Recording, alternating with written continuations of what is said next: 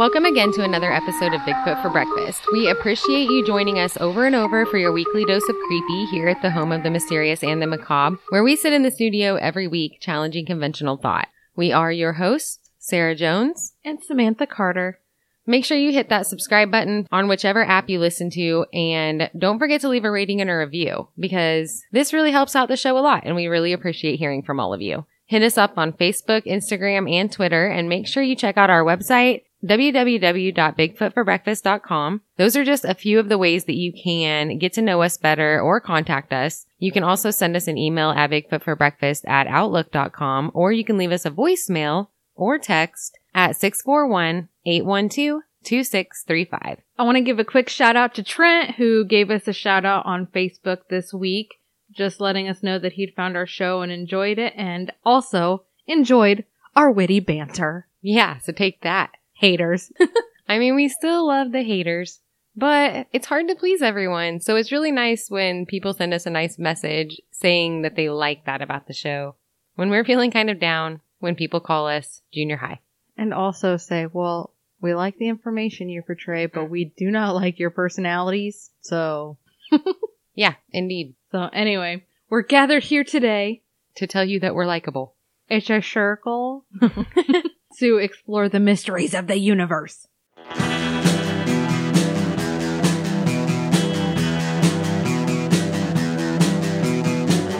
You're listening to the Prescribed Films Podcast Network, home to hundreds of hours of free podcast entertainment. The shows on this network all have a common goal providing you with the best discussions about movies and other forms of entertainment media. The PFPN hopes to fill your earholes with audio joy. Visit our website with links to all the other amazing shows at www.thepfpn.com. Thanks for listening.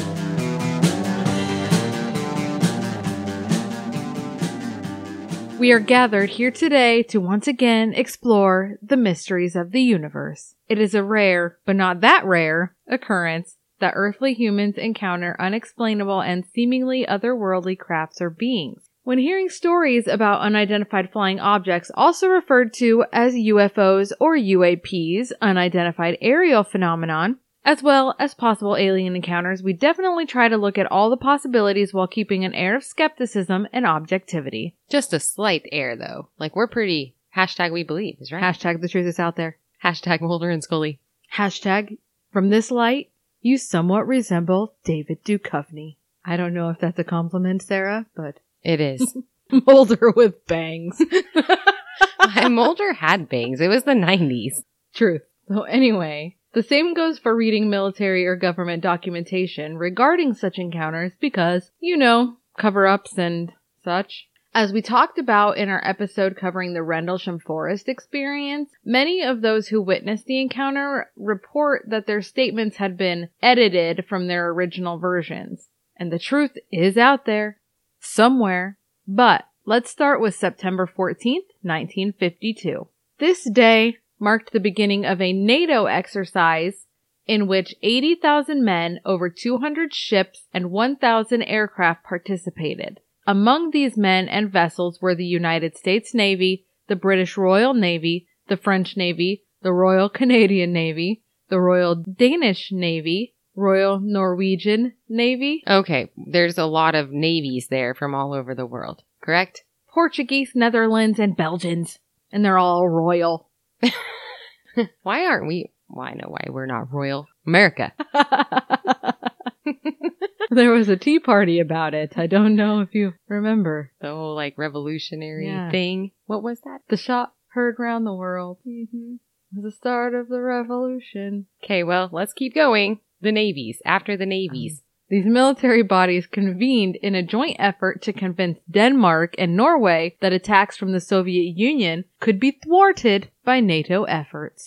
So, in the fall of 1952, there were a series of these types of NATO exercises, which collectively involved up to 300,000 military personnel who engaged in these maneuvers all over the place, spanning from the Arctic Circle to the Mediterranean Sea. But we're going to focus on one such exercise known as main brace.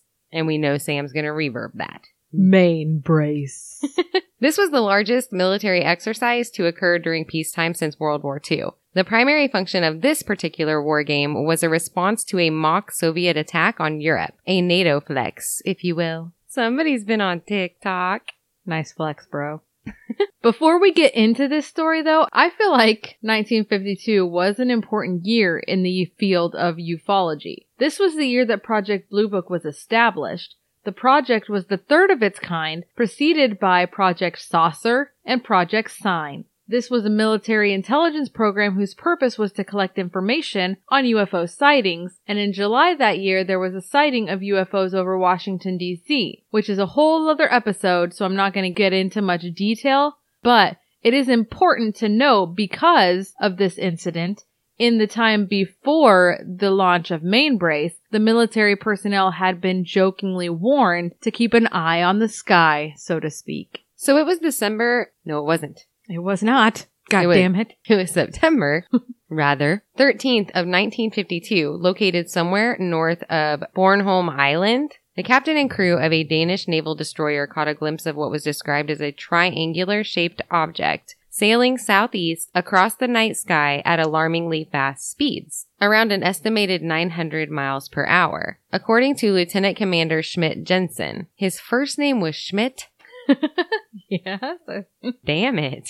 God damn it, Schmidt. This was the Schmitty. This was only the first of many sightings that were reported during the execution of Operation Mainbrace. A copy of a Norwegian newspaper clipping published in Harstad newspaper was obtained by the CIA as part of their routine monitoring for foreign press, which concerned an incident that had occurred on September 18th of 1952. A CIA translation of the article reads as follows. On 18 September at 1400 hours, three forestry workers who were working right outside of Kirkenes noticed a flat, round object hovering motionless at about 500 meters altitude. The object appeared to have a diameter of 15 to 20 meters. After the workers had observed the object for a while, it suddenly flew away at great speed in a northwesterly direction. It appears that only these workers saw the object. They swear, however, that their report is true. And that's the article. So you may find it interesting that the characteristics of the craft described were similar to a report of a similar incident as little as one day after this one. It was just before 11 o'clock in the morning on the date of September 19th, 1952,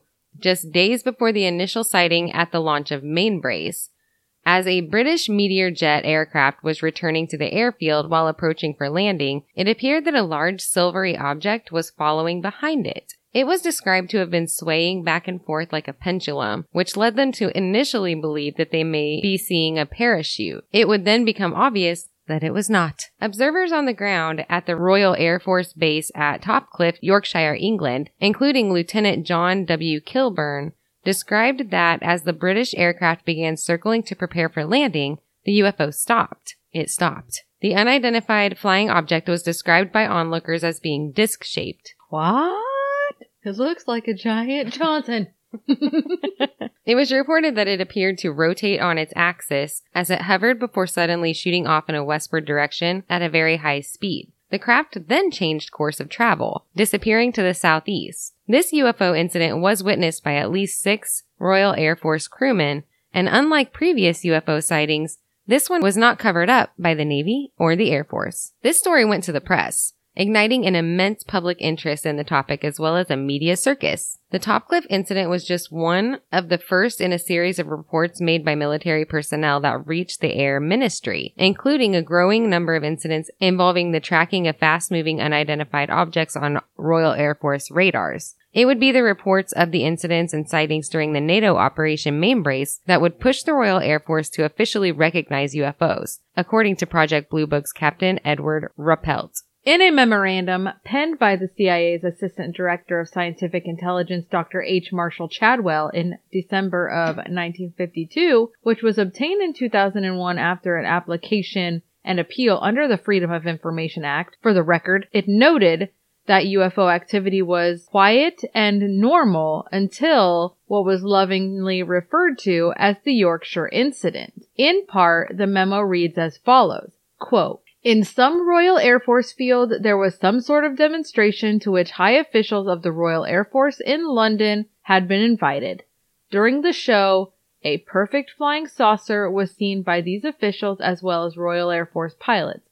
So many people saw it that many articles appeared in the public press. End quote. Something happened, some people saw it, basically. Yeah. Lieutenant John Kilburn of the 269th Squadron, who we had mentioned previously as one of the witnesses of the event, made an official statement, which is as follows. Quote, the meteor was at approximately 5,000 feet and approaching from the east. Flight Lieutenant Paris suddenly noticed a white object in the sky at a height between 10 and 20,000 feet, some five miles astern of the meteor.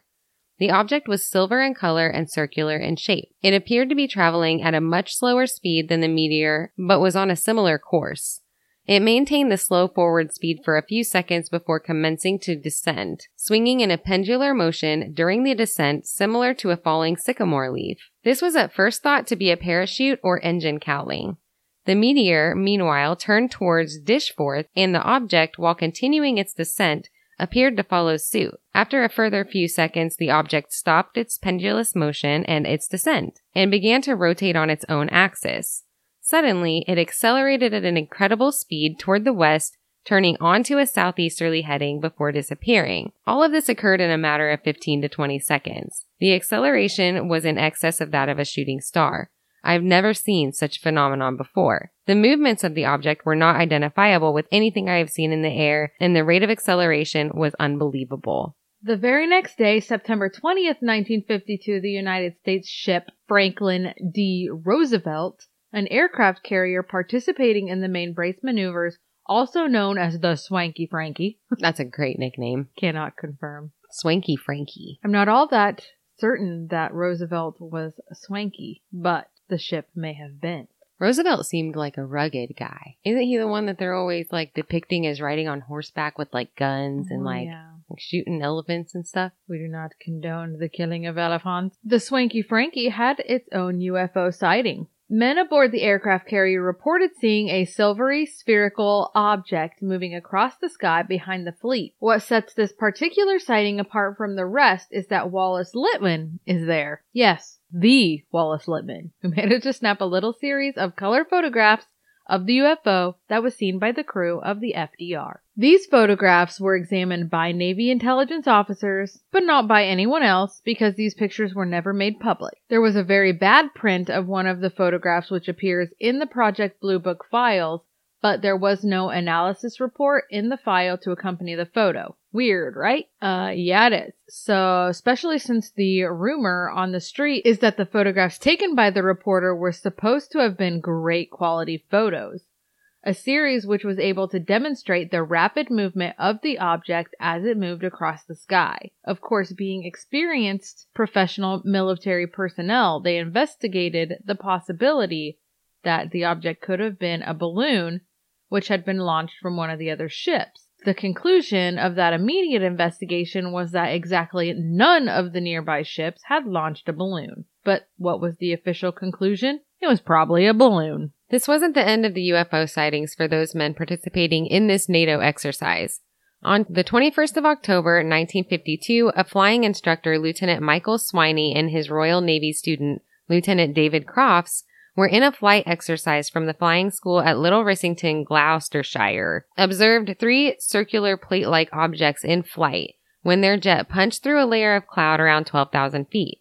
Initially, like one of the previous sightings, the objects were thought to have been parachutes. However, they were described as being iridescent, like circular pieces of glass reflecting on the sun. They remained stationary in their initial encounter before appearing to change position, subsequently vanishing from sight. Flight instructor Swiney called to abandon the training flight, reported the sighting to ground control, and then returned to base with his also shaken student. Upon returning to base, the two men were ordered to be sequestered in their quarters overnight. The next day, the Air Ministry team was on site to interview them about the encounter. Of the encounter, Swiney made the following comment in an interview in 2004. Quote, I was frightened. I make no bones about it. It was something supernatural, perhaps, and when I landed, someone told me I looked as if I'd seen a ghost. I immediately thought of saucers because it was actually what they looked like. I even put an entry in my logbook which reads, Saucers. Three flying saucers sighted at a height confirmed by GCI, which is radar. End quote. As far as his official statement written for the Air Ministry team who were brought in, it sounds like it was destroyed, as I'm sure were the drawings that the men were asked to render of the objects that they had seen. David Crofts, the student flying with Swiney, recalled that he was told they, meaning air intelligence, had been in communication with every country in the world that was likely to have that sort of aircraft in the vicinity and drew a blank. They also said that they, meaning the UFOs, had been picked up on radar. Fighters had been scrambled and the target had a ground speed of 600 knots, heading east, but the fighters, but the fighters saw nothing, didn't make contact, and returned to base. After his retirement, Swiney attempted to obtain a copy of the original report. His statement included, he found out at the time, much to his and our dismay, that it was a standard operating practice prior to 1967 to shred and destroy all UFO encounter records and reports every five years. What the hell? It looks like the only record that still remains is this flight school record, a single sheet of paper in which it was documented that the objects had been sighted while on the navigational exercise. And although the sighting was backed up and confirmed by radar readings, the Air Ministry denied any likelihood that the unidentifiable flying object would be extraterrestrial in nature. The incident was buried. On that very same day, around 7:30 p.m., another UFO sighting report was made at the Karup field in Denmark. Three Danish Air Force officers reported having seen an object that they described as a shiny disk with a metallic appearance pass overhead from the direction of the fleet and disappear in the clouds to the east of the base. That's about the extent of the information I had been able to find on this particular sighting. Wasn't able to come up with any names of the officers or any other details on the sighting outside of the fact that is reported to have happened. William McGuire, formerly of the RAF, was posted to RAF Sandwich, Kent, England, during main brace, and his testimony regarding an incident on the 21st of September 1952 was as follows. Quote, My memory was that everything was a complete flap. Normally, in a military situation, everything is ordered, regular, and set out. But there was a situation that was plainly out of control. Mechanics were flying about all over the place. According to his experience, as McGuire got his bearings, the reason behind the chaos and the panic became apparent. He described a huge, unidentified aerial object which was being tracked on the radar over the English Channel.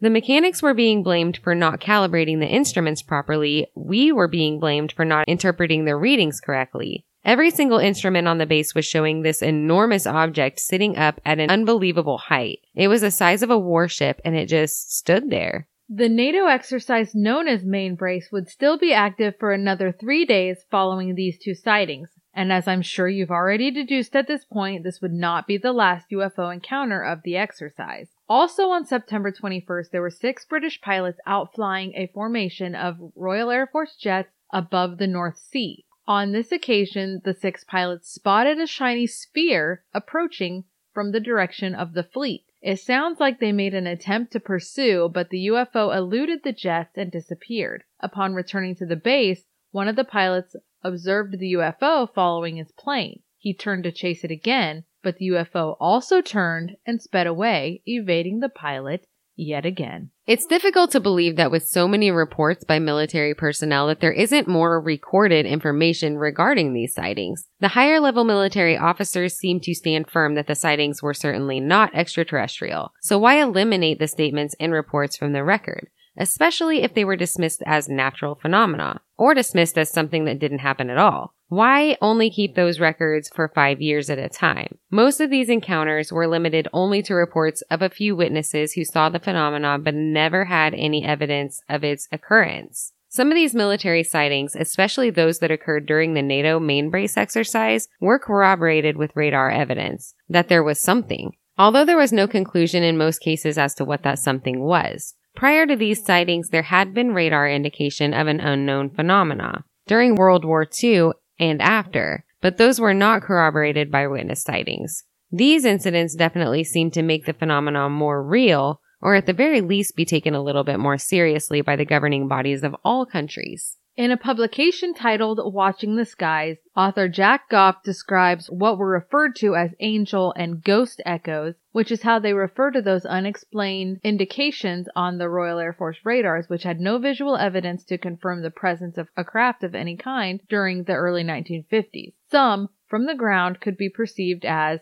a cloud of responses similar to the echoes obtained by small aircraft and at times could easily be mistaken for military aircraft as they followed a steady course of travel and plotted heights from 2,000 feet to 10,000 feet. So one of the two competing theories vying to explain the radar angels phenomenon was that they could have been caused by abnormal and rare atmospheric conditions that created pockets of air that would be capable of being or reflecting radar beams, producing false targets on the radars. So this is a sound theory, right? It's more conceivable than the other theory. However, it doesn't explain how some of these angels moved against the prevailing winds or faster than measured wind speeds. The second theory, which is considered less likely at the time, was that angels were formation clusters of birds flying to and from their breeding grounds as part of their annual migrations. There actually were a few ornithologists who utilized radar technology to study bird movements which makes it seem like a good viable theory, but they had a difficult time persuading the British Royal Air Force to consider this to be a legitimate and serious theory, in spite of the fact that coastal radar stations during the war had correlated angels on their radar screens with flights of seabirds which had been spotted with the naked eye, as well as the large individual birds which had been found to cause chaos on the radar screens on occasion. Obviously, with Cold War tensions compiling, the most obvious assumptions of those who were involved with Project Sign investigations were that these UFOs were most likely sophisticated Soviet aircraft. There were, however, researchers who continued to lean in the direction that they might be spacecraft from other worlds. This was known as the extraterrestrial hypothesis. The Soviet origins theory was rejected by Swedish, British, and US military investigators because no recognizable rocket fragments were ever found. And according to some sightings, the objects displayed some combination of leaving no exhaust trail, moving too slowly, flying horizontally, traveling and maneuvering in formation, and appearing to be silent. One classification document from the Swedish military that had been released in 1997 reads as follows. For some time, we have been concerned by the recurring reports of flying saucers. They periodically continue to pop up. During the last week, one was observed hovering over Neubiberg Air Force Base for about 30 minutes. They have been reported by so many sources and from such a variety of places that we are convinced that they cannot be disregarded and must be explained on some basis, which is perhaps slightly beyond the scope of our present intelligence thinking. When officers of this directorate recently visited the Swedish Air Force Intelligence Service, this question was put to the Swedes. The answer was that some reliable and fully technically qualified people have reached the conclusion that these phenomena are obviously the result of a high technical skill, which cannot be credited to any presently known culture on Earth. They are therefore assuming that these objects originate from some previously unknown or unidentifiable technology, possibly outside of Earth. This conclusion of this document leaves us with the following thought. We are inclined not to discredit entirely this somewhat spectacular theory. Meantime, keeping an open mind on the subject. This document does not obviously predate the main brace exercise, but I did feel like it was relevant to disclose the possibility that these crafts having otherworldly origins wasn't entirely dismissed by military or government entities. In fact, the British government's military Ministry of Defense had a UFO desk and the telephone hotline that collected around 11,000 cryptic sightings from across the United Kingdom between 1962 and 2009. I guess when the five year period of destruction for the 1962 records came up, we lucked out since they decided in 1967 to stop destroying reports. In 2009, the unit was shut down. According to the Defense Minister Bob Ainsworth in November of 2009, the UFO operation was, quote, consuming increasing resources but produces no valuable defense output, end quote. He stated that in more than 50 years, no UFO sighting report, quote, has ever revealed anything to suggest an extraterrestrial present or military threat to the UK, end quote. But that's just what a government man who didn't want you to know about the aliens would say. Indeed. At the time of Mainbrace sightings, Winston Churchill was the prime minister. While he didn't necessarily drink the Kool-Aid, so to speak, the sightings did tickle the curiosity a little bit. Churchill authored an essay which was originally titled, Are We Alone in Space? which he later revised and renamed, Are We Alone in the Universe? In this essay, Churchill explored the thoughts and theories regarding the possibility of extraterrestrial life using what could be described as a more scientific thought process, dissecting what life really is. The requirements for it to exist, such as elements like liquid, water. Of course, in the paper, he also offered speculation of the possibility of life existing on other planets and in other solar systems. It was not beneath Churchill to throw a dash of his distaste to the state of the world politics at the time into his writings, stating, quote, I, for one, am not so immensely impressed by the success we are making of our civilization here that I am prepared to think we are the only spot in this immense universe which contains living, thinking creatures, or that we are the highest type of mental and physical development which has ever appeared in the vast compass of space and time which I feel is actually pretty fair and still relevant as an opinion today. So Winston Churchill for the win there. That's not the end of Churchill's UFO experience. He actually faced an accusation by the grandson of one of his personal bodyguards for ordering the cover up of a Second World War encounter between a UFO and a Royal Air Force bomber. It was said that a cover up involved the failure to disclose documents and information for fear of public panic or loss of faith in religion. The allegation was made after apparently a conversation was heard which involved Churchill making the statements about his reasons for withholding the information from the public. Documents revealing this debauchery were released in the early 2000s from the sounds of it, or somewhere around there. According to the released files, there were more than 600 reports of UFO sightings in 1996, compared to the previous average 240 reports per year in the years preceding. Speculation was that the reports of sightings increased that year because, dun dun dun a certain TV show was debuted that year. Any guesses on what show that might be? Anyone? Anyone? Fry? Fry? Yep, you guessed it. It was The X Files. That year, 343 letters from the public to the Ministry of Defense UFO desk that we discussed earlier, as well as 22 inquiries and questions from military police, like we said before, in 2009, they closed that desk down. And shortly thereafter, files were released to the public. Dr. Clarke, a UFO consultant to the National Archives, told the BBC, quote, Since the Freedom of Information Act arrived in 2005, this subject, UFOs, have become the third most popular subject for people to write to the Ministry of Defense, saying, Please could you release this file or papers that you hold on this particular case? what they've decided to do is totally open and to say, look, we're not holding any secrets back about this subject. We've all got all these files and we're going to make them available to the public. This included some files from the 1950s. Unfortunately, not from 1952, as they had all been destroyed per the bullshit policy at the time. I mean, honestly, I can kind of see why it would have seemed like a more appealing option not to release this type of report or information to the general public from Churchill and the other world leaders' perspectives. Remember what happened on Sunday, October 30th, 1938, when Columbia Broadcasting System broadcast an episode of the American radio drama anthology series, The Mercury Theater on the Air, directed and narrated by Orson Welles as an adaptation of the H.G. Wells novel, The War of the Worlds. Do ya? Well, I do. I remember. I was there.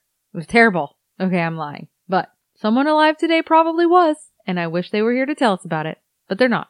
So I'm going to tell you, and you're going to like it. So if you haven't the slightest idea to what I am referring, you, my friend, are in for a gosh darn treat. So obviously you've at least heard of the Tom Cruise movie if you haven't seen it. So the radio show program begins as a simulation of a normal evening radio broadcast featuring a weather report and music from a live local hotel ballroom.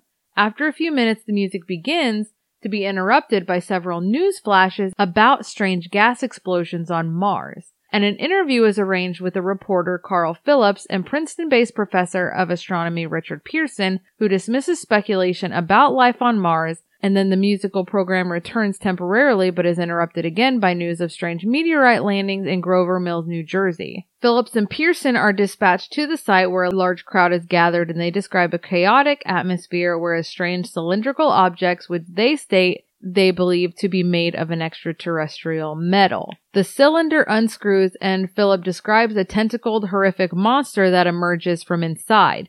Police officers approach the Martian waving a flag of truce, but the invaders respond by firing a heat ray, which incinerates the delegation and ignites the nearby woods and cars as the crowds scream. Phillips shouts about the incoming flames and they're cut off mid sentence.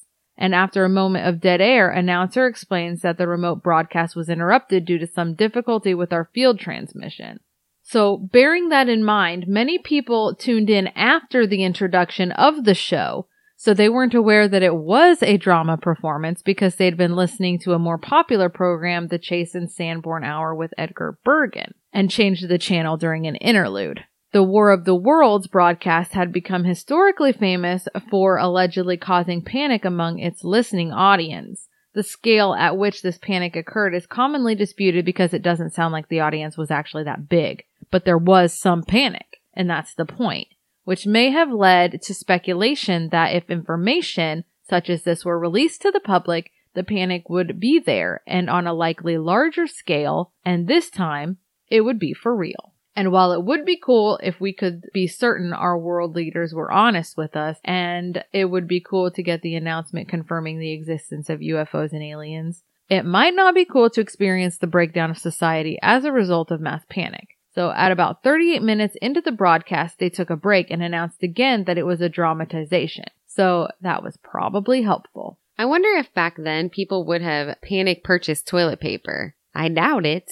People probably had their priorities straight back then. You're giving way too much credit to humanity. Anyway, back to main Mainbrace. Apparently in 2014, the CIA posted a tweet claiming it was us. Their tweet read, Quote, Do you remember the reports of unusual activity in the sky in the 50s? That was us. Quote, end quote. End tweet. Hmm. they apparently then went on to explain that all the sightings of mysterious flying crafts traveling at high speeds with flashing lights were actually test flights of the secret USA military planes, more specifically, U 2 spy planes flying altitudes of 18,000 meters, which would have been way above most normal passenger planes and other military aircraft. And when the sun set below the horizon, the top secret planes were still high enough to reflect the sun's rays. Other pilots then saw them as bright silvery objects in the night sky. In response to this tweet, UFO expert Nigel Watson, author of the UFO Investigations Manual, stated, quote, As early as 1962, a U.S. engineer called Leon Davidson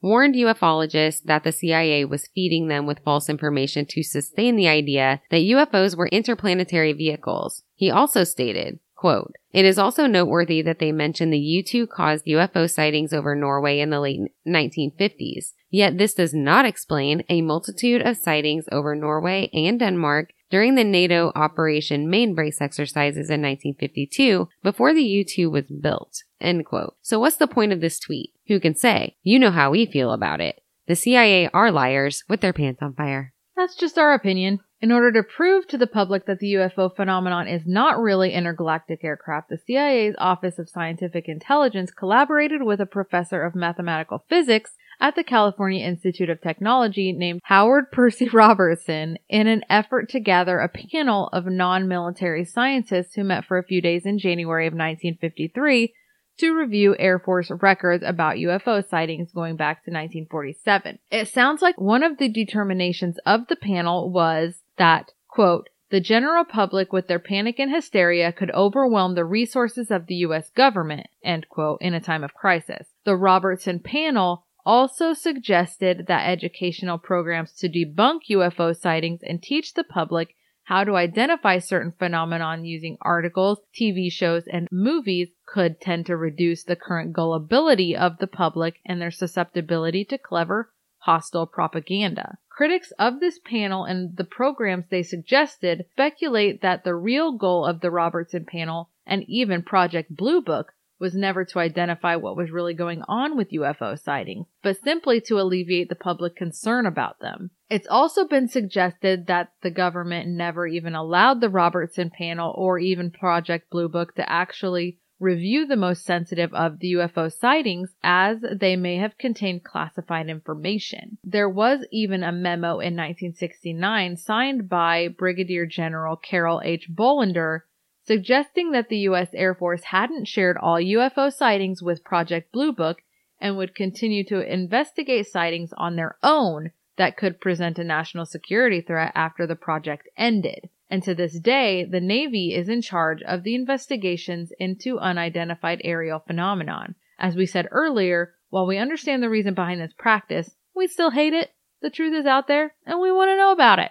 According to Gerald K. Haines, a historian for the CIA's National Reconnaissance Office, the CIA has claimed responsibility for more than half the UFO reports the government received in the late 50s and into the 60s. These confessions were, of course, made after the conclusion of Project Blue Book. According to the CIA confessions, these sightings were actually secret U-2 and Oxcart spy flights by the U.S. governments, and once U-2 started flying at altitudes above 60,000 feet, air traffic controllers began receiving increasing numbers of UFO reports, according to documents. The CIA cross-referenced UFO sightings and U-2 flight logs, which enabled the investigators to dismiss the majority of those UFO reports so members of Project Blue Book would explain them by linking them to natural phenomena such as ice crystals and temperature inversions in order to hide these clandestine flights from the US from the citizens of America, thus the tweet. So maybe this explains some of the sightings that led to the warning prior to Operation Mainbrace.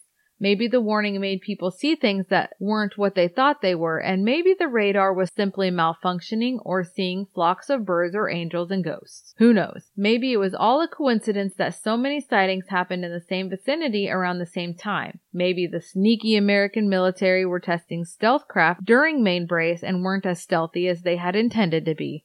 Maybe it was the Soviets. Even politicians in high places have made comments which lead us to believe that they think that there may have been more to the flying saucer phenomenon than is reaching the public eye or ears. Rumor has it that some modern American presidents have taken an interest in the extraterrestrial. On Jimmy Kimmel Live in 2014, former President Bill Clinton revealed that during his time in office, he'd asked people to look into both Area 51 and Roswell files. Kimmel then asked Clinton, quote, if you saw that there were aliens there, would you tell us? And Clinton responded in the affirmative. However, if you, like us, are more inclined to believe in a large scale cover up, doesn't this just seem like further evidence of spreading disinformation? I did not have any knowledge of that alien. I did not have any knowledge of that alien, is just what a Clinton would say. Any given government entity undoubtedly has the means for an entirely effective alien or UFO cover up. The military and intelligence communities have the authority to classify information and make it a crime to not fall in line and keep the secrets. This confidential information is restricted to a limited number of people in high places, or deep dark places more like, but can also be geographically isolated, locked down in military installations which take up millions and millions of acres across the US. That's a lot of land to hide behind. And it's no play on words to say that these secrets are buried, deep, underground, protected by soldiers and guns, and if the rumors are to be believed, advanced alien technology that have been traded to governments in exchange for the right to abduct citizens and experimentation. If you haven't already, listen to our episode on Dulce Air Force Base for a little more detail on that. Something tells me for certain if these tunnel systems and underground bases exist in America, there's a pretty good chance that they exist in other countries as well. And we've all heard the rumor that the Queen is a reptilian. Unfortunately, much to our dismay and dissatisfaction, there were never any definitive answers, as usual, about the UFO sightings of NATO Operation Mainbrace. I find it very hard to dismiss so many sightings from so many locations by military personnel from so many different countries, but that's just us. Thank you again for listening to Bigfoot for Breakfast and once again for following us down the rabbit hole. Keep listening as we continue to spiral down through various mysteries of the universe. If you want to contact us for any reason, Shoot us an email at bigfootforbreakfast at outlook.com, send us a Facebook message, or post on our wall. We love memes. You can always post those on our Facebook wall. You can follow us on Instagram, send us messages on there as well. You can also leave us a voicemail and let us know what you think of the show. Show us some love or bombard us with public ridicule, you know, whatever, and we'll play it on the next episode. That number is 641 812 2635. Stay tuned for next week's episode. It's a really creepy one. See you next time. Thanks for listening. Bye. Bye. Leave.